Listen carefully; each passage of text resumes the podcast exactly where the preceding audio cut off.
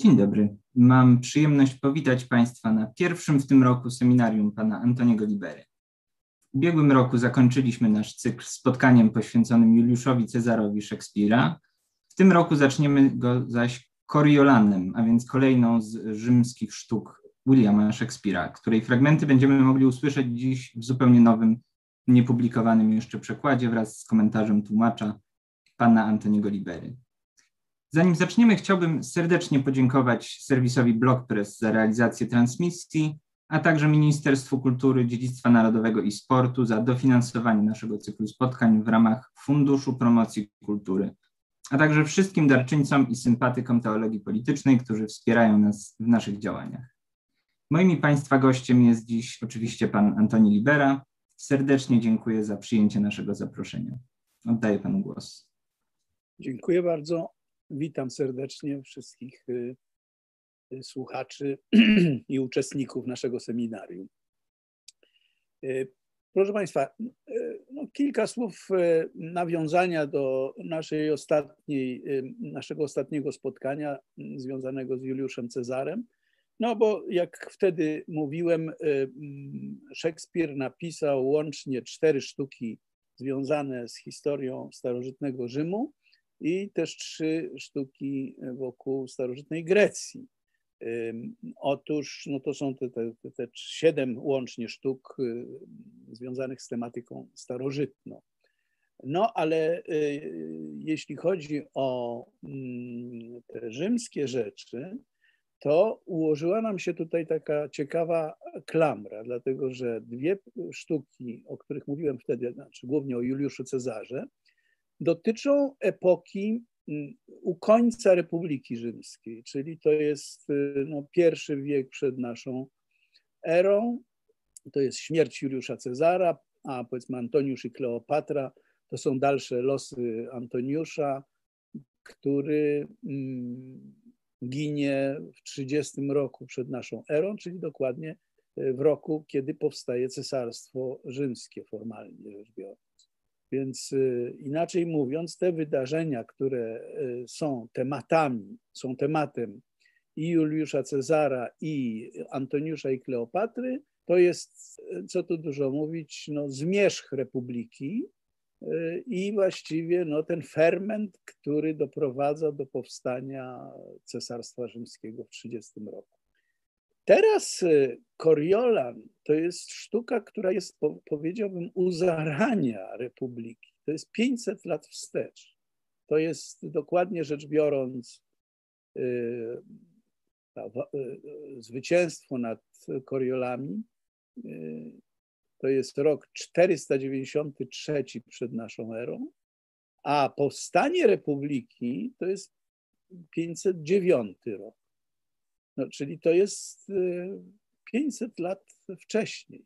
No i oczywiście inne są też e, e, zupełnie inne realia i inny jest przekaz, chociaż e, przekaz też w przypadku Szekspira pochodzi od Plutarcha. No, Plutarch, żywoty, żywoty sławnych mężów, to jest podstawowa lektura Szekspira, na której on bazował, kiedy te dramaty pisał.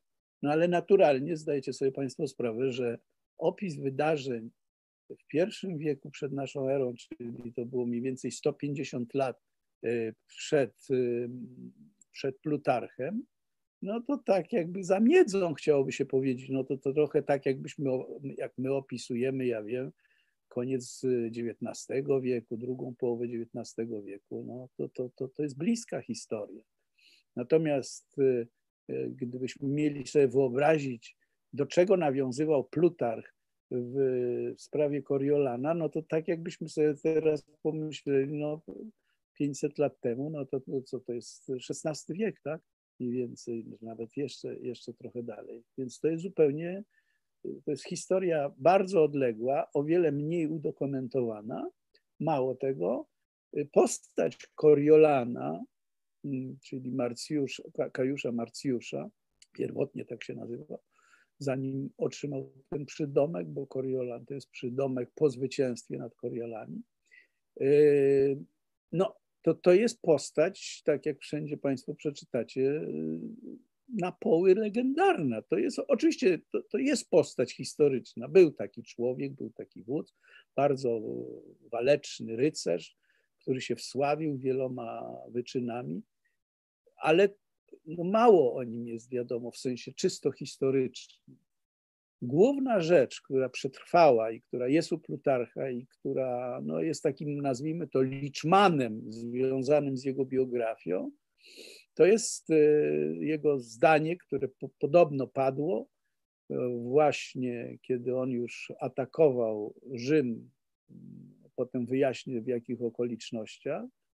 E, no i jego matka, która była niezwykle ambitną kobietą i która go wychowała na takiego właśnie no, wielkiego męża, wielkiego rycerza, no, w tym decydującym momencie, kiedy widziała, że ten syn, który się skonfliktował z całym Rzymem i postanowił się zemścić na Rzymie, no, została niejako wydelegowana przez lud rzymski, przez cały, cały, całą społeczność rzymską, ażeby go przebłagała, żeby on tego nie robił. No i rzeczywiście ta scena nawet jest E, przedmiotem obrazów. Możecie Państwo znaleźć obrazy na ten temat. No jak ta matka klęczy przed synem i błaga go, żeby nie atakował Rzymu. I wtedy ta jego legendarna odpowiedź była taka: Matko, uratowałaś Rzym, ale tym samym straciłaś syna.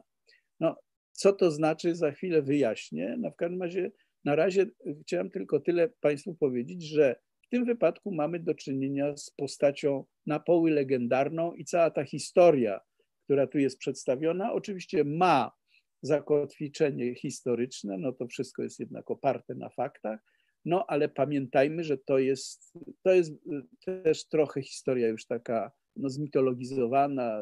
Musimy mieć pewien dystans do niej, jako, jako, że tak powiem, ludzie zainteresowani czystą historią. Ale teraz z punktu widzenia Szekspira, e, ta rzecz była interesująca może nawet bardziej niż y, temat, jakim był śmierć Juliusza Cezara i ten drugi triumvirat, czy później przygody i romanse Marka Antoniusza, bo to jest bardzo udokumentowane i on tam no, odczuwał mm, pewne ograniczenia, no, że musiał się bardzo ściśle trzymać historii, a jego jako wielkiego pisarza no, ponosiło i tam no, są pewne nieścisłości, on przyspieszał wypadki, skracał y, dystanse między tymi wypadkami, no, nazwijmy to narażając się na, na, na krytykę ze strony historyków. No ale wiadomo, że pisarzowi nie chodzi o to, żeby po prostu zwyczajnie powtórzyć historię, tylko, tylko na bazie historycznej z tych wypadków zbudować y, no, jakąś przypowieść, zbudować jakiś model, który będzie służył ku przestrodze, no, da, dawał do myślenia i tak dalej. Otóż teraz tak. Y, zacznijmy jak zwykle od historii, no, czyli co tam właściwie się działo na mm, przełomie VI i V wieku przed naszą erą. No, jak wiadomo, historia Rzymu, no to, to już takie, powtarzam, szkolne e, oczywistości, no to składa się z tych jakby trzech takich e, fundamentalnych epok, długich bardzo, no, czyli królestwo, od założenia Rzymu królestwo przez 500 e, lat, czy nawet więcej, potem okres republiki i wreszcie okres cesarstwa. No to są te, te, te, te trzy epoki. I teraz upadek y, ostatniego króla, Tarkwiniusza Pysznego, e, no, no, nastąpił tuż przed tym 509 rokiem, no w wyniku rozpasania jego syna i w ogóle całej tej oligarchii związanej z jego dworem.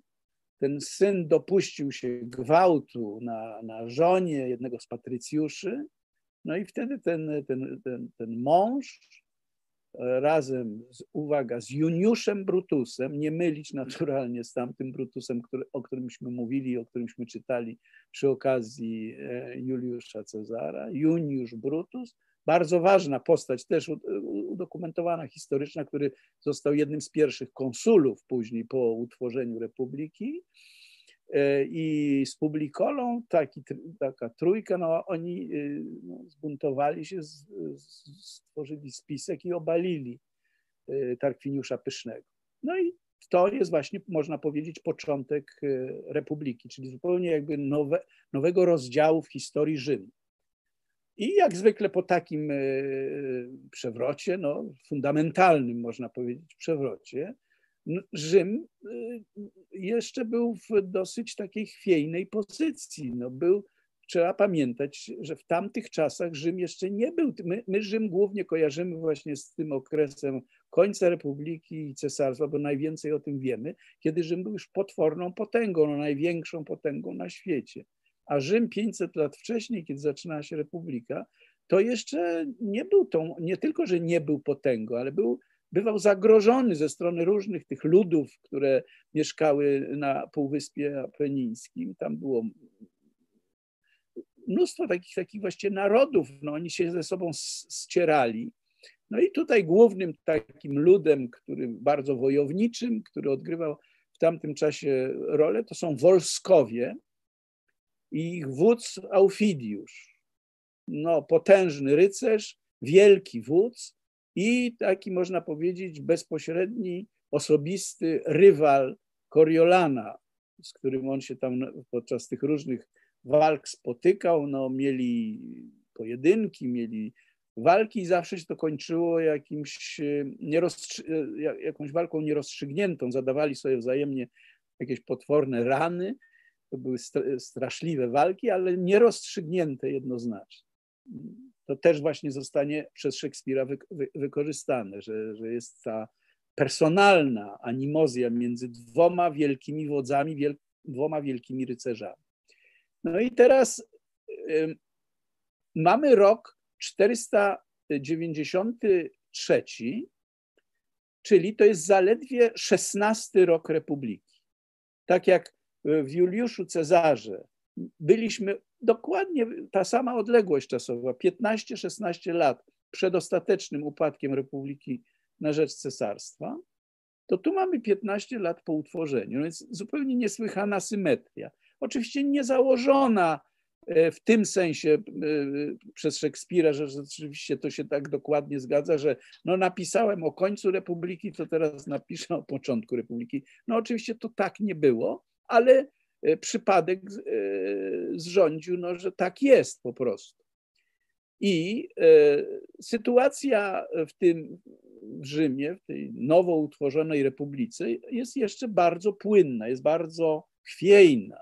Oni są z różnych stron zagrożeni. Już było kilka potyczek, już było kilka wojen z Wolskami. Oni odparli tych Wolsków, ale z takim skutkiem niepewnym, że tam się ciągle szykowali do odwetu. I tymczasem e, w Rzymie powstaje e, bunt mas, bunt plepsu, że mm, patrycjat za dużo sobie pozwala, że patrycjat e, powiększa przepaść ekonomiczną między dołami Rzymu a, a tą górą. Jest poważny sprzeciw, no, głównie ze, z powodów e, ekonomicznych, ale nie tylko. W sensie, że ten lud jest za bardzo marginalizowany, traktowany instrumentalnie, że mówi się o nim właśnie jako mięsie armatnym, znaczy armatnim, no po prostu, że to są e, ludzie, którzy służą głównie do tego, żeby dostarczać podstawowych dóbr dla, dla, dla całego miasta, a zarazem, żeby je bronić i że są wystawiani na pierwszą linię frontu i, i, i po prostu są tą siłą, siłą, która ginie i tak dalej. I teraz, co tam, na czym polega ten konflikt? Polega on na tym, że ów Brutus, y, Juniusz Brutus, który był jednym z pierwszych konsulów, Y, funkcja konsula trwa tylko rok. Więc w tym momencie, a on jeszcze był w miarę młodym, energicznym człowiekiem, on chciał dalej jakoś uczestniczyć w życiu politycznym. I wskutek tego fermentu i tych żądań ze strony plebsu, y, żeby utworzyć, żeby utworzyć funkcję trybuna, czy kilku trybunów, którzy będą jakby takimi rzecznikami tego ludu, ponieważ no, lud niepiśmienny, lud prymitywny nie umie wyrazić swoich potrzeb, no więc on potrzebuje inteligentów, ludzi mm, oświeconych, piśmiennych, którzy będą występować w ich imieniu. No, można by powiedzieć, tak już dosyć grubo przekładając na dzisiejsze czasy, że taki rzecznik praw obywatelskich, czy ktoś, ktoś taki, tylko że tam kilku ich jest i że oni, mimo że oni pochodzą z patrycjatu, że oni postanawiają zostać tymi trybunami ludu, no bo wtedy odgrywają dosyć silną rolę społeczną. No to, to, to często tak bywa, że przegrany polityk zmienia front, byleby istnieć, prawda? No i to, to właśnie w tym, co dzisiaj będziemy i czytać, i o czym ja będę mówić, no to oni odgrywają w pewnym sensie kluczową rolę, bo oni są adwersarzami, mimo że podkreślam, pochodzą z patrycjatu, niejako przechodzą, trudno powiedzieć, że przechodzą na stronę ludu, ale wykorzystują ten ferment, ażeby robić swoją karierę polityczną. I teraz istota konfliktu, który jest pokazany w Coriolanie, polega na tym, bo bardzo różnie y, ta, ta, y, ta sztuka jest interpretowana, czy to jest dramat jednostki tak, takiej, jaką, jaką był Coriolan, czyli dramat człowieka niezwykle zasłużonego, ale i pysznego, potwornie ambitnego i którego ta ambicja i pycha w sumie gubi, mimo że e, jego zasługi dla, dla Rzymu są ogromne. Więc niektórzy tak to interpretują, ale mm, na przykład Jan Kot, który też pisał o Coriolanie, w tym Szekspir nasz współczesny, no on też podkreśla, że to jest właściwie bardzo e, dramat e, taki no, prekursorski, chciałoby się powiedzieć, dramat klas, znaczy ścieranie się dwóch klas plebejuszy, no dziś byśmy powiedzieli e, robotników i chłopów przeciw e, arystokratom i, i, wyższym, i wyższym klasom. Tak? Otóż e, Szekspir, jak się wydaje, ja tro, trochę czytałem teraz przy okazji tego tłumaczenia, więc się dowiedziałem różnych rzeczy, no, że Szekspir miał ewidentnie awersję do plebsu. Nie, nie, nie tylko rzymskiego, ale w Anglii. I nie lubił, uważał, że lud jest niepewny, jest zdradliwy, jest y, chwiejny. Y, uważał, że cnota jest po drugiej stronie. Cnota jest po stronie ludzi i oświeconych, i tych, no i po, po stronie patrycjatu, czyli po stronie arystokracji angielskiej i tak dalej. Mm, także stosunek y, Szekspira do ludu, przynajmniej w tej sztuce, jest bardzo krytyczny i taki sarkastyczny, powiedziałbym. No ale Szekspir nie byłby sobą, gdyby w ogóle komukolwiek dawał fory. No, wielki dramaturg i on rozumie, na czym polega tragedia. No, że tragedia polega na tym, że dwie strony mają, mają rację, prawda? No i tutaj jest starcie między dwoma filozofi, filozofiami organizacji społecznych. No, jeżeli mamy taką sytuację, że jesteśmy zagrożeni, że nasz byt y, państwowy nie, nie, nie jest jeszcze silny, no to czy my wtedy możemy sobie pozwolić na zbyt daleko idące swobody, obojętne w jakiej epoce? Czy też powinniśmy się zdyscyplinować ograniczyć i postawić przede wszystkim na obronę granic, na budowanie państwa. To jest podstawowy, podstawowa treść tej sztuki. No i teraz oczywiście Szekspir dalej mówi, no, że w, w którąkolwiek stronę byśmy poszli, to zaczynają się takie czy inne nadużycia. Jeżeli idziemy w stronę plebsu, czyli idziemy na ustępstwa, że oni coraz więcej żądają, to rozbijamy państwo i możemy się pożegnać już w ogóle nie tylko z demokracją, ale że w ogóle stracimy suwerenność, że napadną na nas inni, zniszczą nas i tak się to skończy.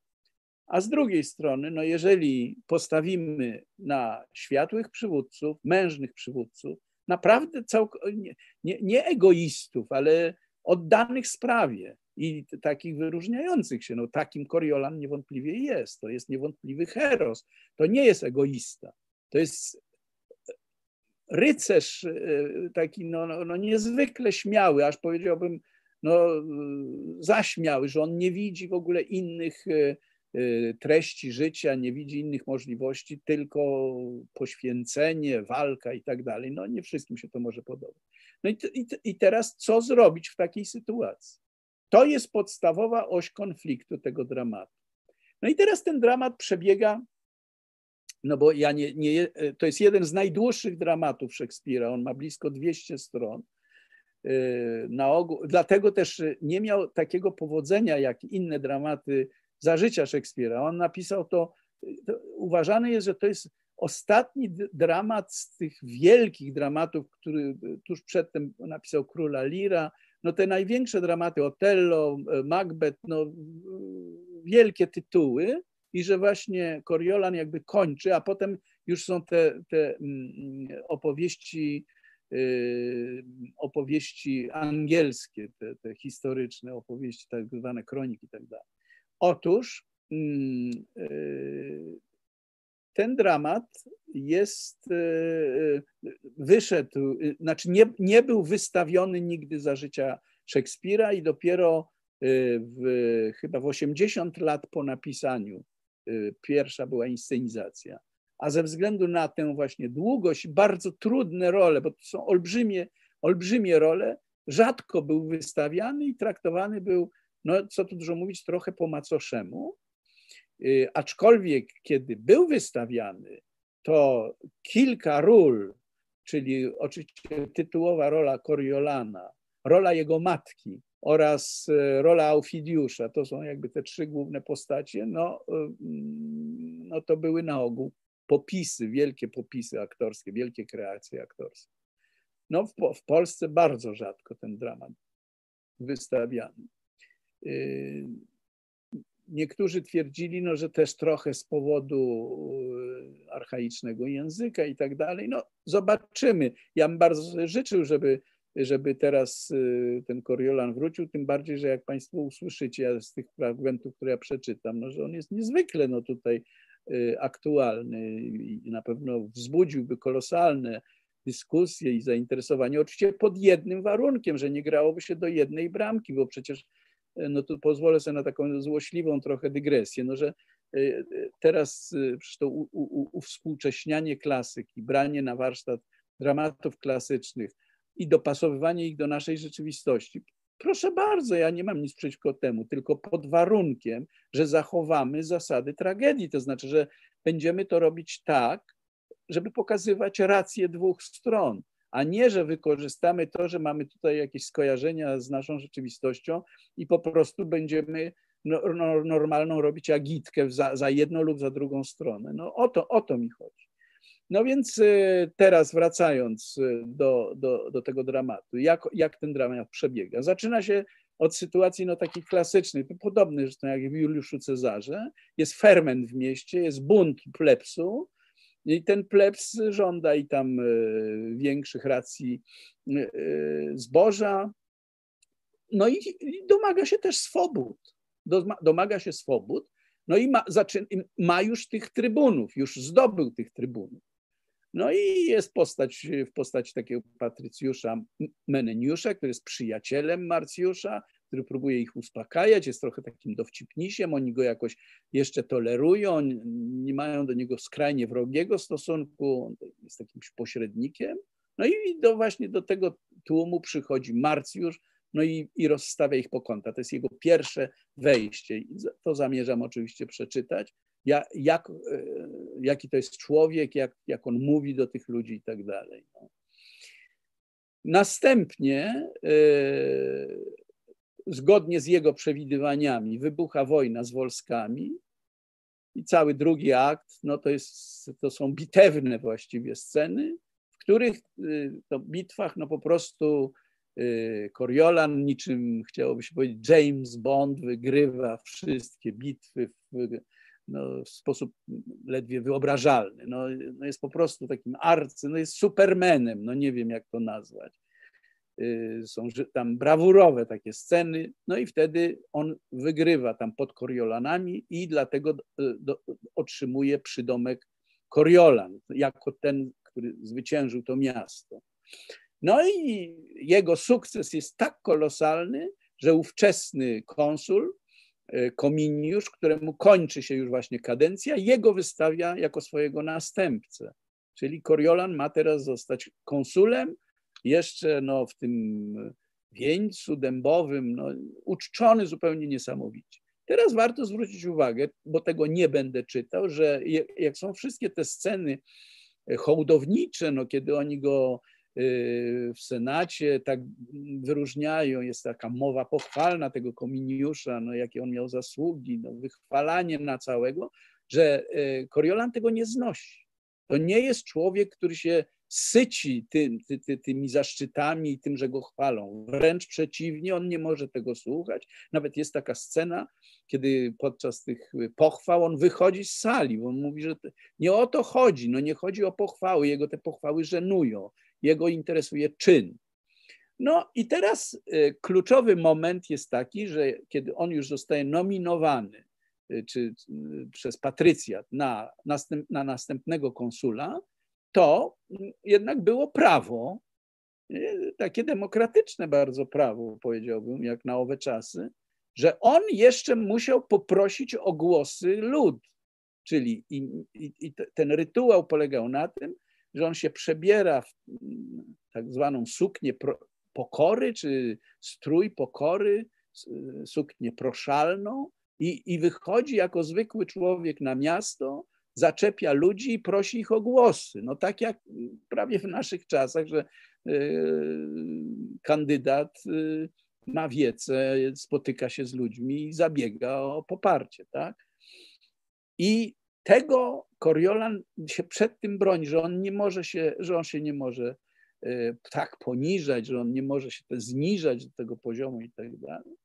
No oni mówią, że bez tego on po prostu nie zostanie. I ta matka włącza się, która jest potwornie ambitna i która no, całe życie marzyła, żeby on właśnie został no, przywódcą całego kraju, największym e, przywódcą. No, namawia go, no i on, to jest kluczowy moment sztuki, idzie e, na tę ulicę prosić o, o, o te głosy, ale urządza z tego cyrk, jakbyśmy dziś powiedzieli. To znaczy on szydzi z tych ludzi, i to szydzi w niezwykle wyrafinowany sposób, że no ci prostacy się nie orientują, że, że, on, że on z nich kpi po prostu, że to są drwiny. Ta, ta, ta, ta, ta, ten gest proszenia o te głosy. No i oni, i to jest nawet powiedziałbym momentami wzruszająca scena i tutaj Szekspir genialnie to pokazuje, że nagle y, my jako widzowie czy czytelnicy jesteśmy zrażeni do tego ludu jako takiego właśnie prymitywnego, Y, tempego, y, ograniczonego, tu zaczynamy współczuć tym ludziom, że ci ludzie są oszukani przez człowieka bez porównania mocniej, no, no mocarza, no, takiego, który nad nimi góruje, który ich po prostu kpi z nich, oszukuje ich. No i to jest punkt zwrotny, dlatego że y, oni się orientują post factum, no, że on ich nabrał, oni mu dali te głosy i kiedy Koriolan y, idzie na, nazwijmy to, kororację, no nie jest koronacja, no to jest to, to na przysię, za, zaprzysiężenie, tak? Na rynku ma być, no, że na, oni nagle cofają, cofają to w poparcie. No jest konsternacja, ja to będę Państwu właśnie czytał, ta cała kluczowa scena, y, kiedy lud mówi, że nie, że on, on, on się po, wprawdzie post factum, ale zorientowali się, że on ich nabrał i oni mu tego poparcia nie dają. No i on, on dostaje szału, tam jest taka no, scena e, właściwie no, walki patrycjuszy z plebejuszami, bo oni już też e, tracą cierpliwość i w wyniku całej tej awantury Coriolan ni stąd, ni zowąd, tu był już na szczycie, już był właściwie mianowany na tego konsula, zostaje wygnany z Rzymu jako zdrajca, jako człowiek, który oszukał lud i tak dalej. No i teraz y, no, to są klasyczne chwyty Szekspira, który pokazuje, że rzeczy, które wydawały się niemożliwe, są jednak możliwe. Myśmy y, na poprzednim odcinku, ja pokazywałem na przykładzie układania się tych y, spiskowców, którzy zabili Juliusza Cezara, jak oni się natychmiast układają z Antoniuszem, który był ich stronnikiem, ich wrogiem. No i to samo było, jest w Ryszardzie III, między Ryszardem a Anną, prawda, no, której zabił męża i za chwilę ma się z nią ożenić. No więc, że, że, że Szekspir no, w sposób zupełnie niewiarygodny potrafi te kwadratury koła rozwiązać, że oto y, Coriolan, który był no, jednym z największych, takim, tak można powiedzieć, szaleńczym patriotą, obrońcą miasta. W momencie, kiedy zostaje wygnany przez lud, to to jest taka rana na jego honorze, że on idzie do wroga i sprzysięga się z wrogiem, żeby się zemścić na całym Rzymie, bo Rzym, skoro go wy, wyrzucił, jest niegodny tego i on się musi na całym Rzymie zemścić za tę ranę, prawda, y, obrażonej ambicji. No to jest niesłychane. I teraz jest też wspaniała scena, jak on y, na wygnaniu idzie do pałacu tego Aufidiusza, przebrany oczywiście, i no, następuje ta odsłona, że on mówi: Ja jestem Koriolanem, ja jestem Marcjuszem. I klęka przed nim i mówi: Albo mnie zabij, albo mnie przyjmij do siebie i razem ruszymy na Rzym. No i oczywiście y, Aufidiusz godzi na to no i przyjmuje go, wiedząc, że to jest wspaniały ten. I nagle oni dwaj, z największych wrogów, jakich sobie można wyobrazić, którzy się ze sobą pojedynkowali, żaden nie wygrał i tak dalej, nagle stają się sojusznikami. Trudno powiedzieć przyjaciółmi, ale sojusznikami. I razem ruszają na Rzym. No i teraz okazuje się, że nawet wśród tych wolsków Koriolan zdobywa niesamowity mir w e, wojsku żołnierzy, którzy zaczynają powoli odwracać się od Aufidiusza, który no, był ich, ich idolem, to był ich człowiek. A, a Coriolan no, w końcu ma na sumieniu śmierć wielu ich rodaków, no i całkowicie zniszczył te, te Coriole, no, pozabijał tam ludzi osobiście i tak dalej, a mimo to on ma jakąś taką siłę i taką charyzmę, że wszyscy w niego się wpatrują. Mało tego, y, zaczynają gorzej traktować swojego własnego wodza. I ten Aufidiusz po męsku to znosi, ponieważ głównym celem jest wygrać z Rzymem, a sam z Rzymem nie wygra, a z Koriolanem wygra. No i ostatni, ostatecznie ta puenta całego dramatu, no, oni podchodzą pod Rzym, no i wtedy zaczynają się te delegacje z Rzymu, żeby, bo oni wiedzą, że to jest koniec po prostu, że jeżeli Coriolan na, razem ze siłami Wolsków i z tym Aufidiuszem zaatakują Rzym, to po prostu jest po Rzymie. No i, i różni tam chodzą prosić, on ich przegania i wreszcie idzie matka z jego synem i z jego żoną. I oni, ta, no, rodzina najbliższa, no i wtedy on się łamie i od, znaczy zawiera pokój i odstępuje od ataku na Rzym, zdając sobie sprawę, że za chwilę zostanie zabity przez tego, dlatego że zdradza ich, no, tego, tego Aufidiusza zdradza, no, że ugiął się, tak? No, y, teraz y, jeszcze jedno słowo history, historyczne, że według Liwiusza było inaczej, to znaczy, że y, Wolskowie nie rozprawili się z, z Koriolanem, to znaczy, że zawarli pokój i on z, z nimi wrócił, czyli i, i, dożył swoich dni i zmarł śmiercią naturalną. Tak Liwiusz pisze. Natomiast Plutarch podejm, przyjmuje tę wersję, że no ledwo odeszli od, od, Rzymu, no to y, ci się z nim porachowali i go zabili. No, wydaje się, że wersja Plutarcha jest prawdziwsza. No więc y, mamy y, teraz czas na to, żeby, żebym przedstawił, trzy, ja przedstawię Państwu trzy sceny. Tę krótką, początkową z pierwszego aktu, czyli jego pierwsze wejście mm, na ulicę, jak on z nimi rozmawia. Potem awanturę, y, jak on już idzie na zaprzysiężenie i zostaje powstrzymany przez lud i tych trybunów. I na końcu sąd nad nim, kiedy y, zapada wyrok, że on zostanie wygnany. To są te rzeczy, które ja zamierzam teraz przeczytać. Czy światło jest dobre? Tak. No w takim razie przystępujemy do czytanie. Więc mamy akt pierwszy. Mm, Meneniusz, przypominam, to jest ten jego przyjaciel, arystokrata, pośrednik, taki, który próbuje załagodzić takie różne sytuacje. wchodzi, wchodzi, e, wchodzi Kajusz Marcjusz, przyszły Koriolan. Meneniusz. Witaj, szlachetny Marcjuszu. Cześć, witaj. Co się tu dzieje, bezczelne warchoły? Swędzą was wasze żałosne poglądy, że tak zawzięcie je rozdrapujecie? Obyście świe, świeżbu się nie nabawili. Pierwszy obywatel. Zawsze masz dla nas jakieś miłe słowo, Marcjusz. Kto ma je dla was, jest nędznym pochlebcą, niegodnym nawet tego, by nim gardzić. Czego znów chcecie, wieczni mąciciele, w czasie pokoju zuchwali i krnąbrni, a w czasie wojny trzęsący łydkami? Kto wam zawierzy, rychło się przekona, żeście strachliwe zające, nie lwy. Jakoż nie lisy, tylko głupie gęsi, a wasza stałość zbliżona jest do tej, jaką ma węgiel płonący na lodzie lub ziarna gradu leżące na słońcu. Wasza moralność to wspierać przestępcę, choćby popełnił nie wiem jaką zbrodnię, i szydzić z prawa i sprawiedliwości, gdy mu wymierzy zasłużoną karę. Ziać nienawiścią do tego, co wielkie i do każdego, kto zaszedł wysoko.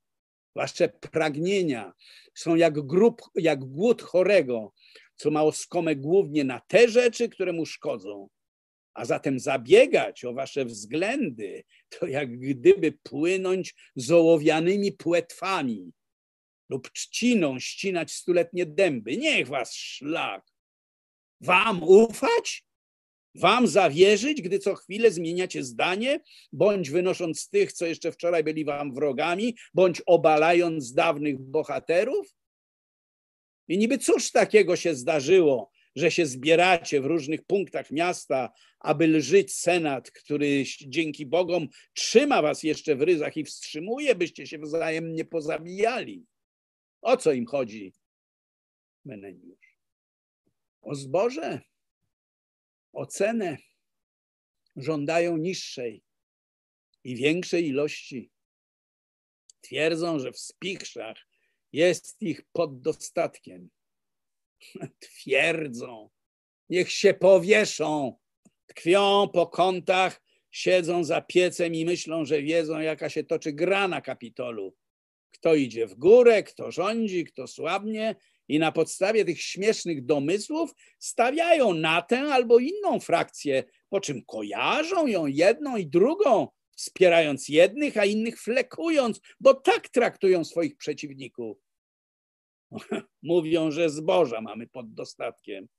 O, gdyby Senat odrzucił skrupuły i mi pozwolił użyć wreszcie miecza, to bym tak długo tępił tę hołotę ciała, rzucając na stos coraz wyżej, póki by czubek mej włóczni dosięgnął. Meneniusz, a nie ma potrzeby, ci są już niegroźni. Choć pusto mają w głowach, są tchórzliwi, strach ich obleciał. No a co z tamtymi? Marcjusz. Już się rozeszli, o ich szlak trafił skomleli, że są głodni, że chcą chleba, klepali w kółko te swoje slogany, że głód rozbija mury, że i psy muszą coś jeść, że gęby są do tego, by je zapychać jakimś pożywieniem i że bogowie dali zboże wszystkim, nie tylko najbogatszym. W te frazesy wplatali jeszcze jakieś swoje skargi, a nade wszystko żądania aż w końcu spełniono jedno z nich. Nie wiem dlaczego, lecz był to błąd, co się niebawem zemści. Rozedrze serca dobrze urodzonych, a władzą wstrząśnie i sprawi, że zblednie. Tak czy inaczej, kiedy się to stało, zaczęli wrzeszczeć z radości i skakać i rzucać w górę czapki, jakby chcieli zawiesić je na rogach półksiężyca. Meneniusz. A cóż takiego właściwie zyskali?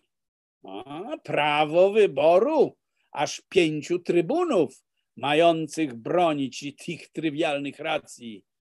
Będzie to przede wszystkim Juniusz Brutus oraz Sycyniusz Veletus.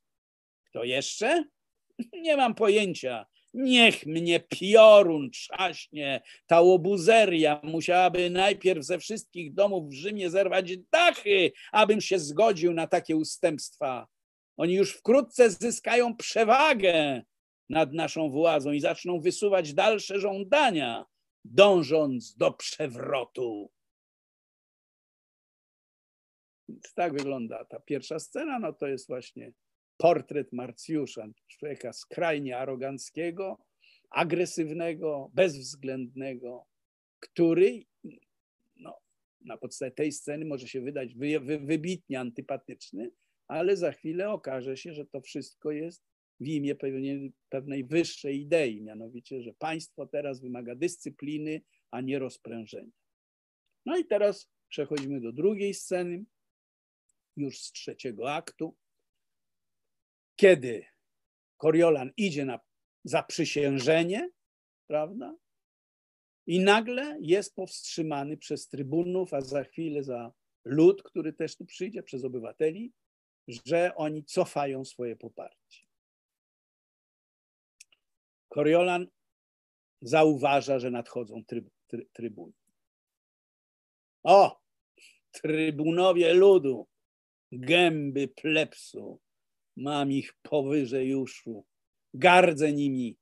Tak nadymają się z tą swoją rolą, że komuś z klasą niedobrze się robi. Sycyniusz, czyli drugi trybun. Stójcie, nie idźcie dalej. O co chodzi? Jest groźnie, uważajcie. Co się stało? No właśnie. Kominiusz, czyli dotychczasowy konsul, Czyż nie dostał głosów ludu, a wcześniej patrycjatu? Brutus. Otóż nie, nie kominiuszu. Koriolan. To kto je dał? Dzieci? Pierwszy senator do trybunów. Odejdźcie na bok, pozwólcie mu przejść. On musi iść na rynek. Brutus. Nie powinien. Lud jest wzburzony i wściekły na niego. Jak go zobaczy, to agresja wzrośnie. Koriolan. A więc to taka jest ta wasza trzoda. I co? Czy rzeczywiście prawo głosu ma przysługiwać takim osobnikom, co ledwo dali komuś swe poparcie, już je cofają, bo się pomylili? A wy, te usta ich, nie macie wpływu na ich języki? Jeszcze jak? A zatem czy to nie wyście, aby ich podszuli? Meneniusz, opanuj się, co mówisz? Oriona, to jest spisek, ukartowana gra na osłabienie pozycji patrycjatu. Jeśli teraz ugniecie się, będziecie żyć z takimi, co nie potrafią ani rządzić państwem, ani podlegać sprawowanym rządom. Brutus. Nie ma żadnego spisku, jest jedynie żal i pretensja, że szydziłeś z ludzi, a wcześniej żeś się zrzymał i oburzał, gdy rozdawano im zboże za darmo i żeś pluł na tych, którzy ich bronili, mówiąc, że są to niegodni pochlebcy, nędzni służalcy i zdrajcy elity. Koriolan, to nic nowego, nie kryłem się z tym. Brutus, o nie wszystkim jednak było to wiadome. Koriolan, a więc doniosłeś na mnie tym, co jeszcze nie byli tego świadomi. Brutus, ja doniosłem? Ja miałbym donieść? Koriola, na czemuż by nie? Nie jesteś zdolny do tego? Brutus, zapewne i to nie mniej niż ty w każdej dziedzinie. Koriola, a więc dlaczego ja mam być konsulem? Na te obłoki, co wiszą nad nami, jeżeli jestem tak marny jak ty, to raczej ustanówcie mnie trybunem. Sycyniusz. O, proszę, właśnie takimi słowami dowodzisz tego, co lud ci zarzuca. Jeżeli pragniesz zajść, dokąd zamierzasz, musisz uprzejmie pytać nas o drogę. W przeciwnym razie nie będziesz konsulem, a nawet i trybunem, co go wspiera.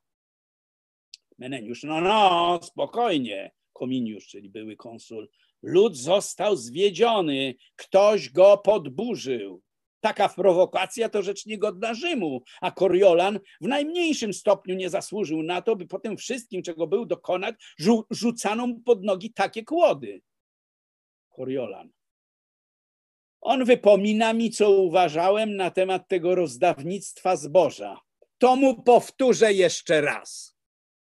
Meneniusz, poczekaj, nie teraz, panie, gdy jesteś wzburzony. Właśnie, że teraz. Wybaczcie mi, proszę, bo chodzi o to, by ten zmienny tłum, niezmienny tylko pod względem odoru, przejrzał się wreszcie w moich szczerych słowach człowieka uczciwego, nie pochlebcy. Otóż powtarzam, pobłażając im, rozzuchwalamy ich i hołdujemy na własnych piersiach jadowitą żmiję, która nas prędzej czy później ukąsi. Sami do tego przykładamy rękę, że tacy ludzie chodzą między nami, a my się przez to pauperyzujemy, tracąc stopniowo powagę i godność. Meneniusz, dosyć już, proszę, pohamuj się, panie. Koriolan, ja mam się pohamować?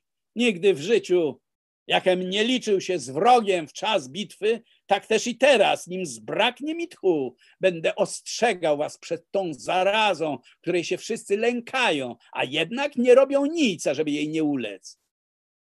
Brutus, mówisz o ludziach, jakbyś sam był Bogiem, a nie człowiekiem tak samo ułomnym. Trzeba to będzie tym ludziom powtórzyć. Meneniusz, powtórzyć co? Że nazbyt jest porywczy? Koriolan, porywczy.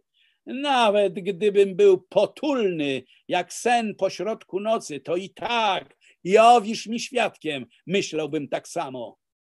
Cycyniusz, takie myślenie jest chore, trujące i nie powinno opuszczać twej czaszki, by nie truć innych. Koriolan, słyszeliście go? Tego Herolda Szprotek? Nie powinno. Ta pewność siebie i ten władczy ton. Komin już zwraca im uwagę, nie godzi się tak mówić trybunowi, to jest niezgodne z prawem. Koriolan, nie powinno. Szanowni, acz niebaczni patrycjusze, czcigodni, acz naiwni senatorzy, i czemuście tej wielogłowej hydrze dali pozyskać dla siebie rzecznika, który choć tylko ma być jej ustami, pozwala sobie na takie uwagi, mówi, co winno, a co nie powinno, i tym sposobem nurt naszego życia sprowadza do rynsztoka, by tam wreszcie pławić się razem z nami bez oporu. Jeśli istotnie ma za sobą siłę, to cóż, ustąpcie, ugnijcie się przed nim, lecz jeśli nie ma jej, to się obudźcie z tego letargu i groźnej bezwoli. Jeśli jesteście naprawdę rozumni, to nie zniżajcie się do tych półgłówków, a jeśli nie, to bardzo proszę, wpuśćcie ich do Senatu na miękkie poduszki i siedźcie z nimi, aż niepostrzeżenie sami staniecie się plebejuszami, a oni patrycjatem, bo gdy w końcu zmieszacie swoje głosy z ich głosami, zatriumfuje wulgarność i chamstwo. Czy już tak nie jest? Czy ten ich delegat nie rzucił wam przed chwilą w twarz obelgi tego niesłychanego nie powinno?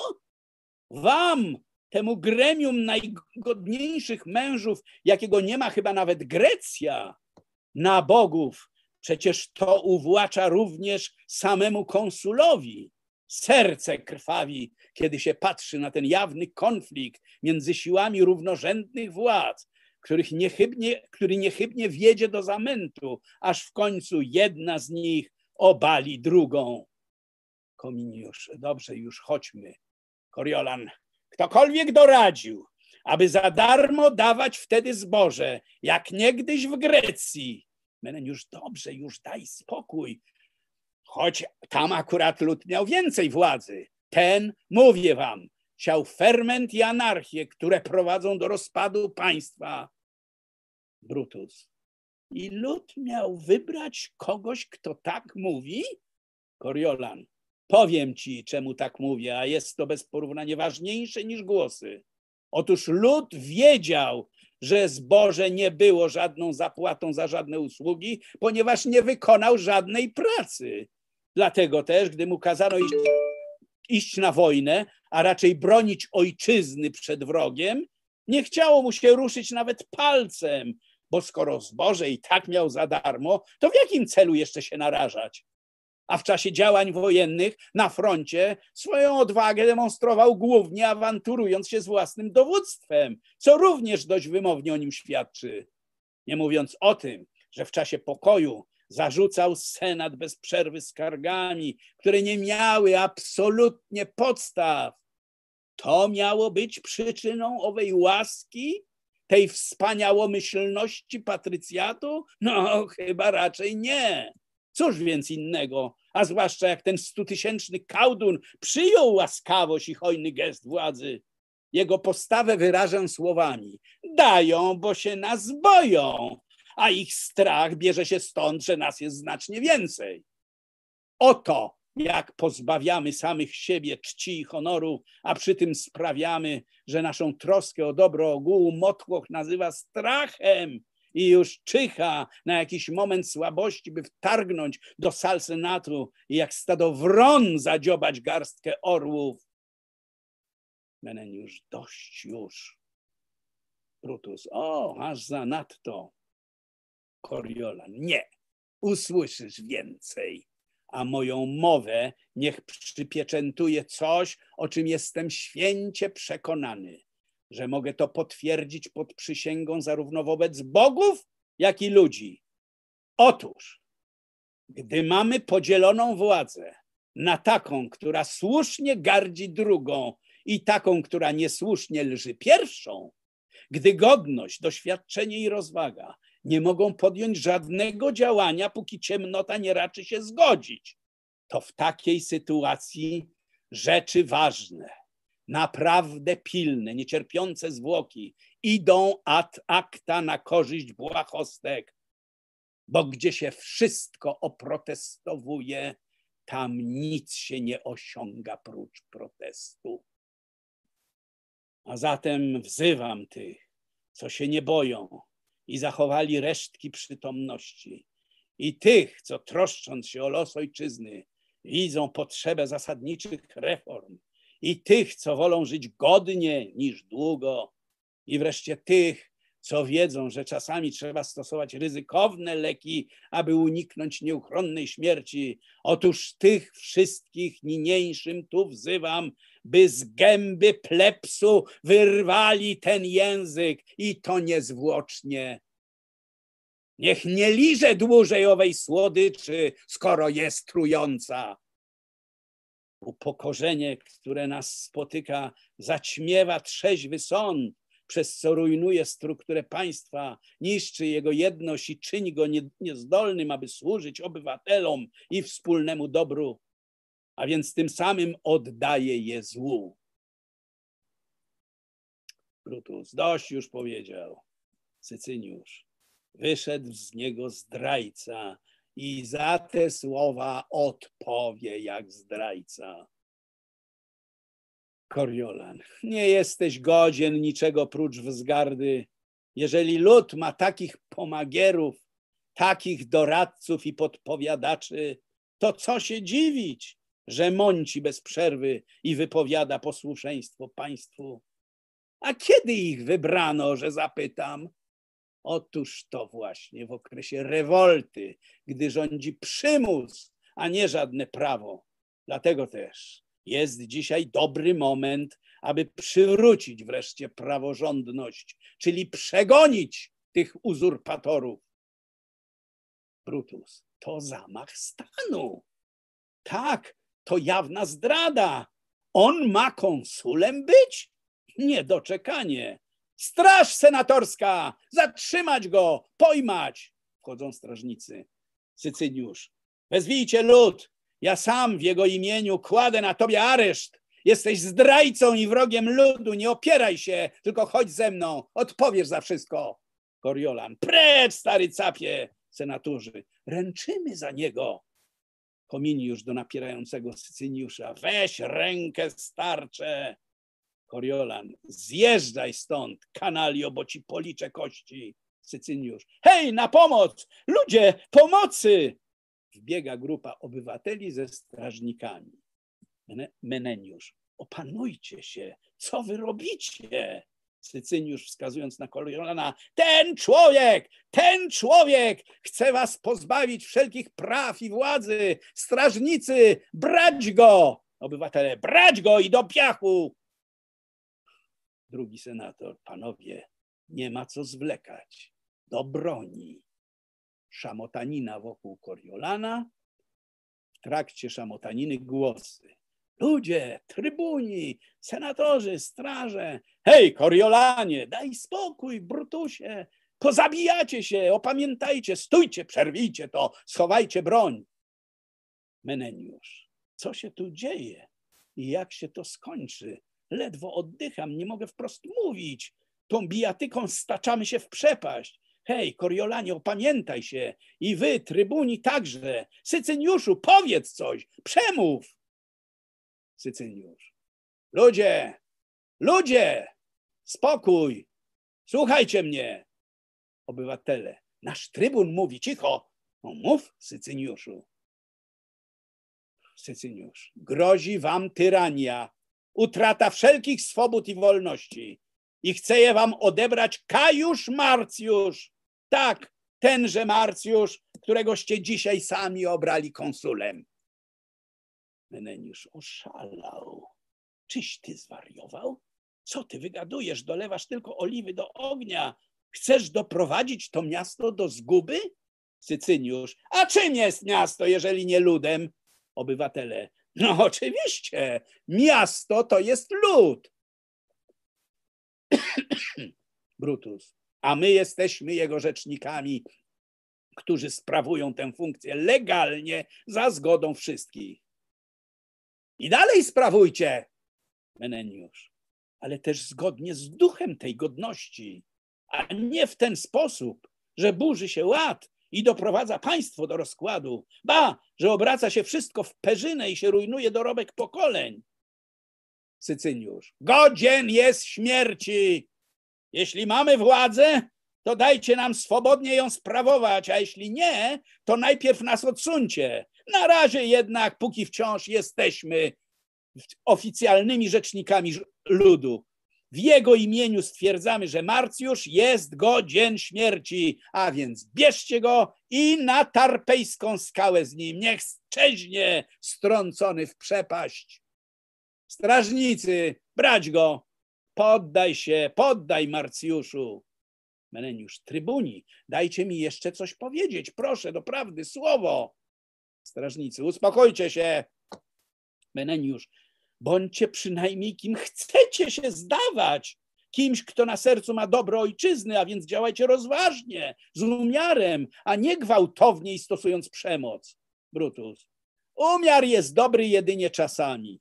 W ciężkich przypadkach bywa wręcz zabójczy. Dlatego właśnie nie ma co się cackać, tylko, jak mówię, brać go i na skałę. Koriolan. Nie. Tutaj umrę dobywa miecza. Wielu z was widziało, jak sobie radzę w walce z przeciwnikiem. Niech teraz sprawdzą, czy dobrze widzieli. Meneniusz, schowaj miecz, a trybuni niech się cofną. Brutus, brać go, powiadam! Meneniusz do patrycjuszy. Panowie, do broni. I murem za Marcjuszem, kto szlachetny. Brońmy go!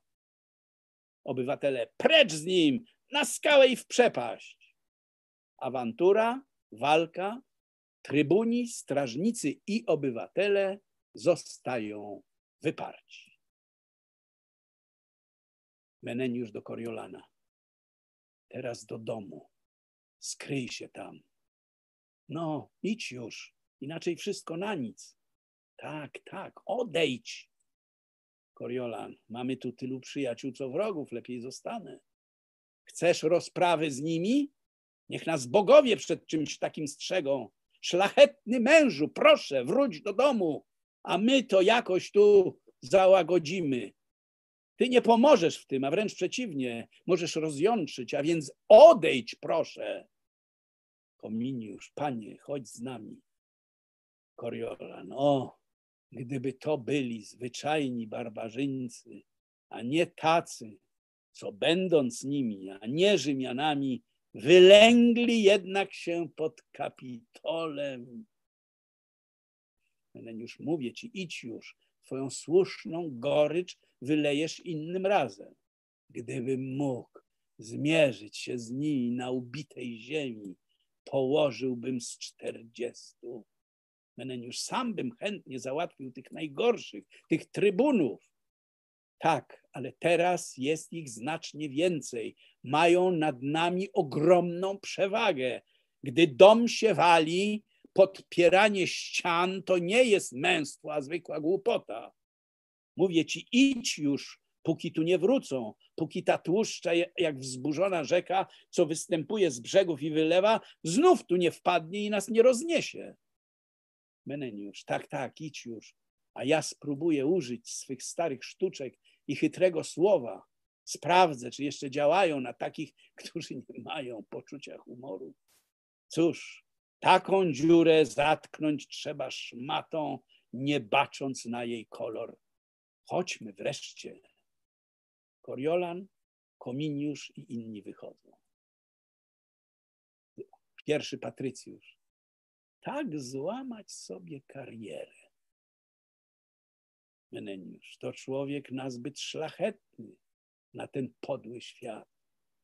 On by nie schlebił nawet Neptunowi, gdyby próbował zdobyć jego trójząb, ani też Jowiszowi, gdyby ten gotów był w zamian dać mu swe pioruny. Co w głębi serca, od razu na ustach. Co myśli głowa, już jest na języku. A kiedy wpadnie w gniew, to zapomina, co znaczy śmierć, że w ogóle istnieje. Wrzawa za sceną. O, znowu tu idą. O, piękna perspektywa. O, wolałbym jednak, by byli już w łóżkach. Meneniusz, w łóżkach, a na dnie Tybru to nie łaska? Ale jest mściwa ta przeklęta tłuszcza. Nie mógł z nią gadać choćby trochę grzeczniej? Wraca Brutus i Sycyniusz na czele tłumu.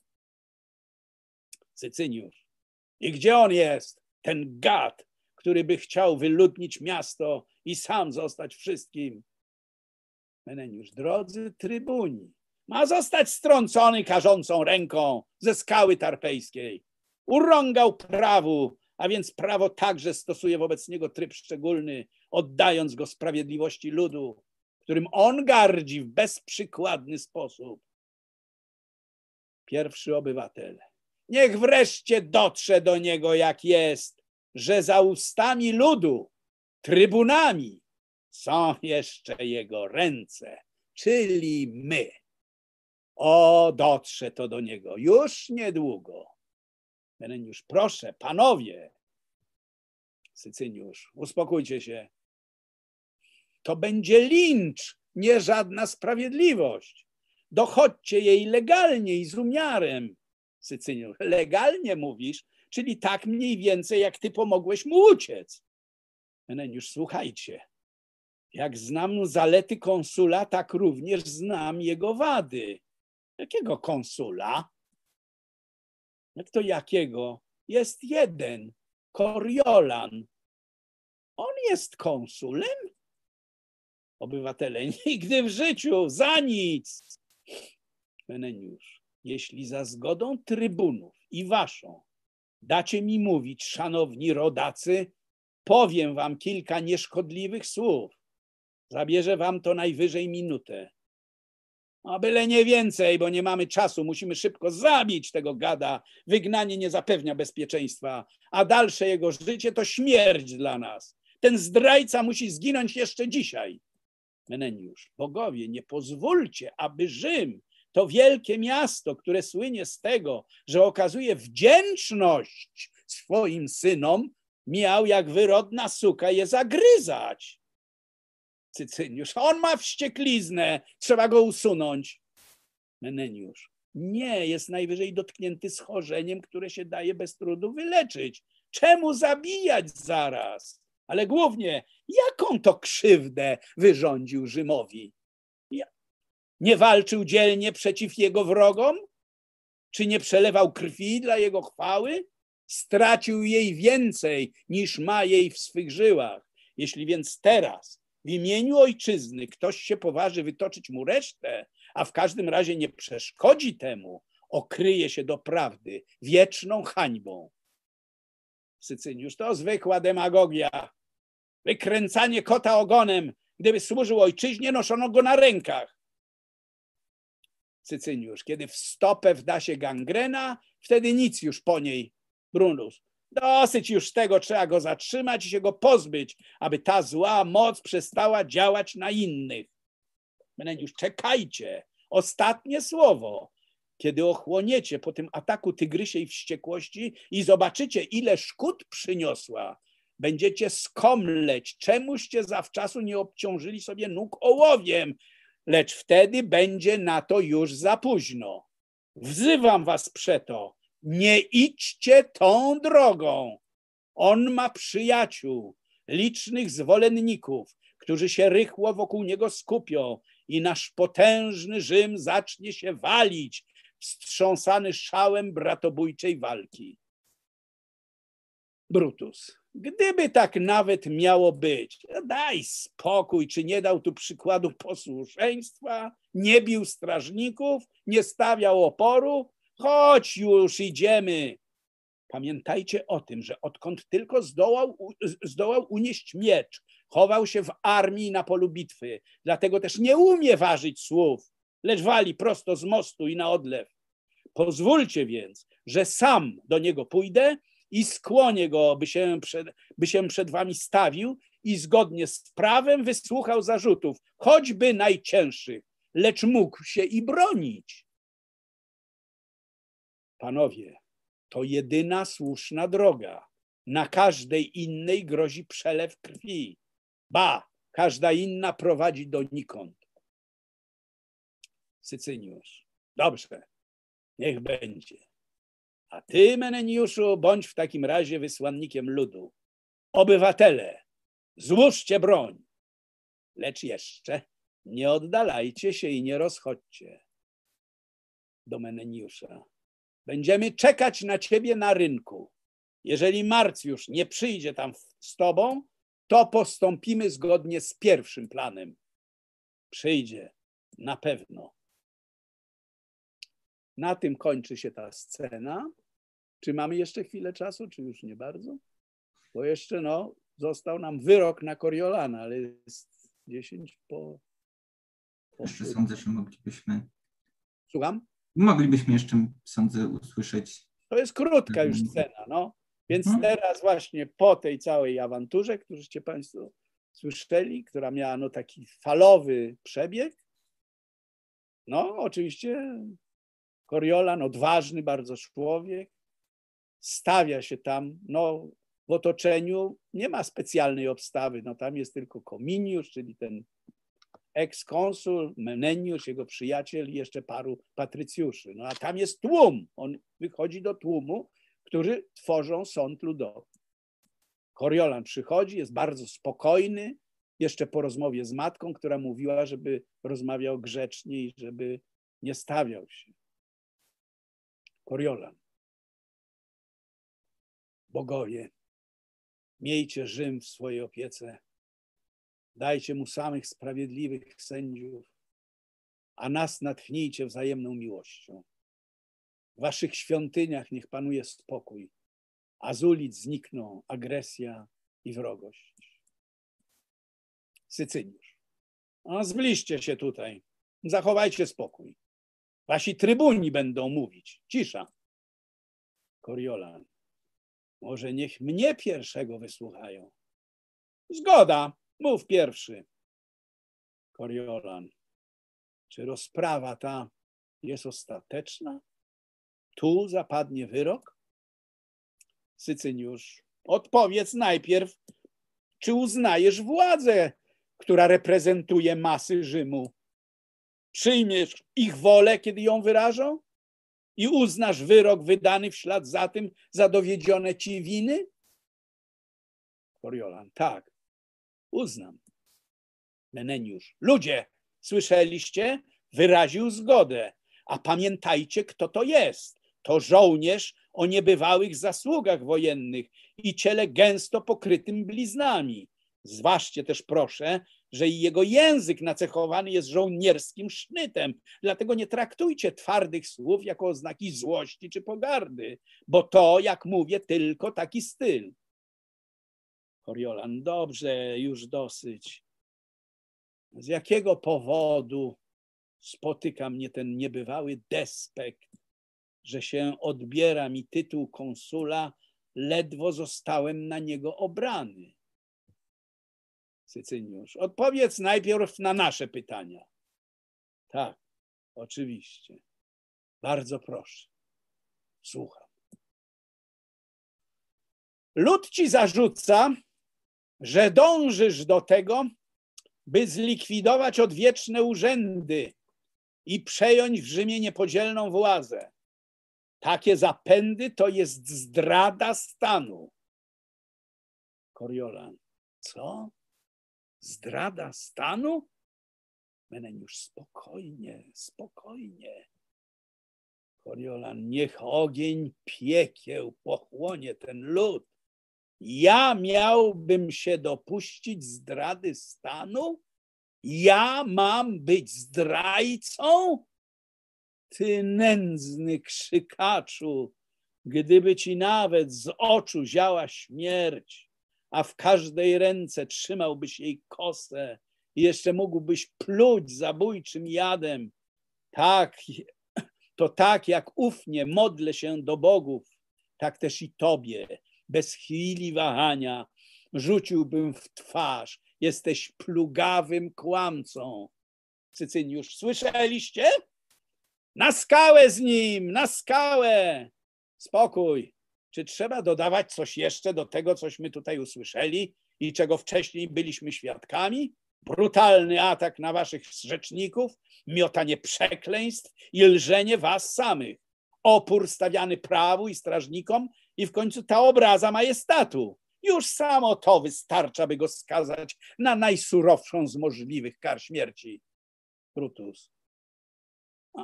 lecz że się również zasłużył Rzymowi, Koriolan, że się zasłużył? Jak śmiesz? Brutus, mówię o tym, co mi wiadomo. Tobie coś wiadomo? Meneniusz, tak dotrzymujesz przyrzeczenia matce? Proszę cię, zważ, Koriolan. To koniec. Odtąd już na nic nie zważam. Mogą mnie skazywać na śmierć ze skały, zagłodzenie w lochu, na ozieranie ze skóry, wygnanie. Nie kupię łaski za pokorne słowo, ani nie połknę dumy i honoru. Cokolwiek miałbym dostać za nich w zamian, za, od nich w zamian. I gdyby nawet miało to polegać na powiedzeniu krótkiego dzień dobry, Sycyniusz. Z uwagi na to, że wciąż niepoprawnie obrażał masy i dążył do tego, by je pozbawić należnych im praw, a dziś w obliczu majestatu władzy i panującej tu sprawiedliwości targnął się wręcz na jej przedstawicieli, z mocy urzędu, który piastujemy, w imieniu ludu, który nam zawierzył, niniejszym oto ogłaszamy wyrok. Winny tych zbrodni zostaje skazany na dożywotnie opuszczenie miasta. Pod groźbą kary strącenia ze skały nie wolno mu już nigdy tutaj wrócić. Taka jest wola ludu i tak będzie obywatele, tak jest, tak będzie, niech się stąd wynosi, został wygnany i słusznie, tak będzie. Kominiusz, bracia, słuchajcie, dość już wyrok zapadł. Dajcie mi jeszcze powiedzieć dwa słowa. Byłem konsulem i też mam na ciele niejedną bliznę po ranach od wrogów i wierzcie mi, że Rzym jest dla mnie droższy nie tylko ponad moje własne życie, ale i życie mej żony i dzieci. Jeśli więc powiem, Wiem, do czego zmierzasz, znamy tę śpiewkę. A więc co nam powiesz? Brutus, nie ma tu więcej nic do powiedzenia na to, co już zostało powiedziane, a mianowicie, że jako wróg ludu został wygnany z kraju. I tak będzie, obywatele, tak jest, tak będzie, tak będzie, tak będzie, Coriolan. Ostatni monolog. ujadająca zgrajo nędznych psów, od których bije obrzydliwy odór. Wasza wspaniałomyślność i łaskawość jest mi wstrętniejsza niż gnijące ścierwo. To ja wyganiam was, a nie wy mnie. Zostańcie sobie tutaj raz na zawsze z tą waszą ignorancją i tempotą. Drżyjcie ze strachu na byle pogłoskę, wpadajcie w rozpacz, ledwo usłyszycie szumiące w dali pióropusze wroga, ale za żadne skarby nie oddajcie owego prawa, które wam pozwala wypędzać swoich obrońców, aż w końcu wasza głupota, ślepa oczywiście na wszelkie zagrożenia i trudności, a odkrywana dopiero po szkodzie. Głupota, która jest główną przyczyną waszych niedoli i żałosnych klęsk, wyda was wreszcie, marnych niewolników, na pastwę jakiejś cudzoziemskiej siły, co was ujarzmi jak bydło bez walki. To właśnie przez Was, przez pogardę dla Was, muszę ze wzgardą odejść z tego miasta i je opuścić. Świat jest też gdzie indziej. No to akurat dobiliśmy 19, 16, prawie zmieściliśmy się w czasie. Tak jest. Bardzo dziękuję panu Antoniemu Liberze za dzisiejsze spotkanie.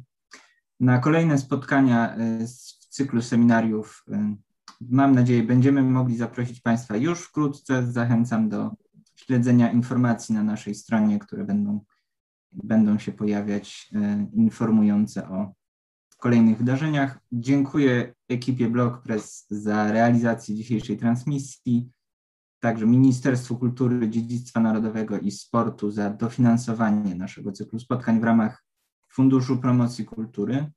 Nasze działania realizujemy także dzięki wsparciu finansowemu Narodowego Instytutu Wolności. Tymczasem serdecznie dziękuję Państwu za uwagę. Zapraszam na kolejne spotkania. Do widzenia. Do widzenia Pani.